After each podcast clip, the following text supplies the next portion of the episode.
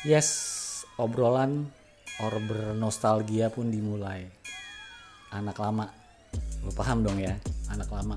Berarti gerombolan-gerombolan yang memang lahir di era-era 70-an, ABG di 80-an, dan tersasar di 90-an.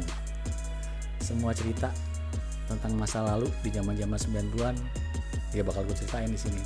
Sampai ke aib-aibnya gue dan beberapa temen gue yang emang belum sempat diceritakan akan diceritakan juga di sini.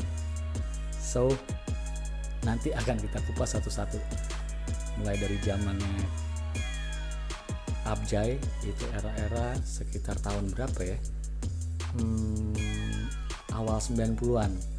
Abjay, rumah bersalin asih, selatan, ya lapangan Napolim. And then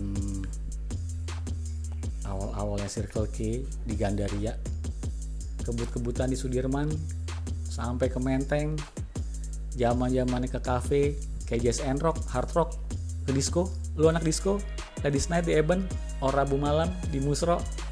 Ya kan? Ingat gak fire and destroy and destroy. Banyak.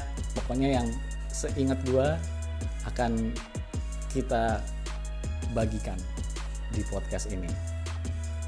Khusus buat anak lama kalau yang anak-anak baru orang milenial serah mau dengar mau enggak gue rada egois nih gitu. Cuman buat anak lama pembelajaran. Bukan berarti gue hidup di masa lalu bukan.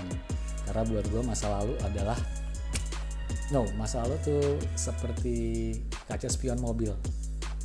Cukup dilihat sesekali untuk tahu sudah seberapa jauh lalu berjalan.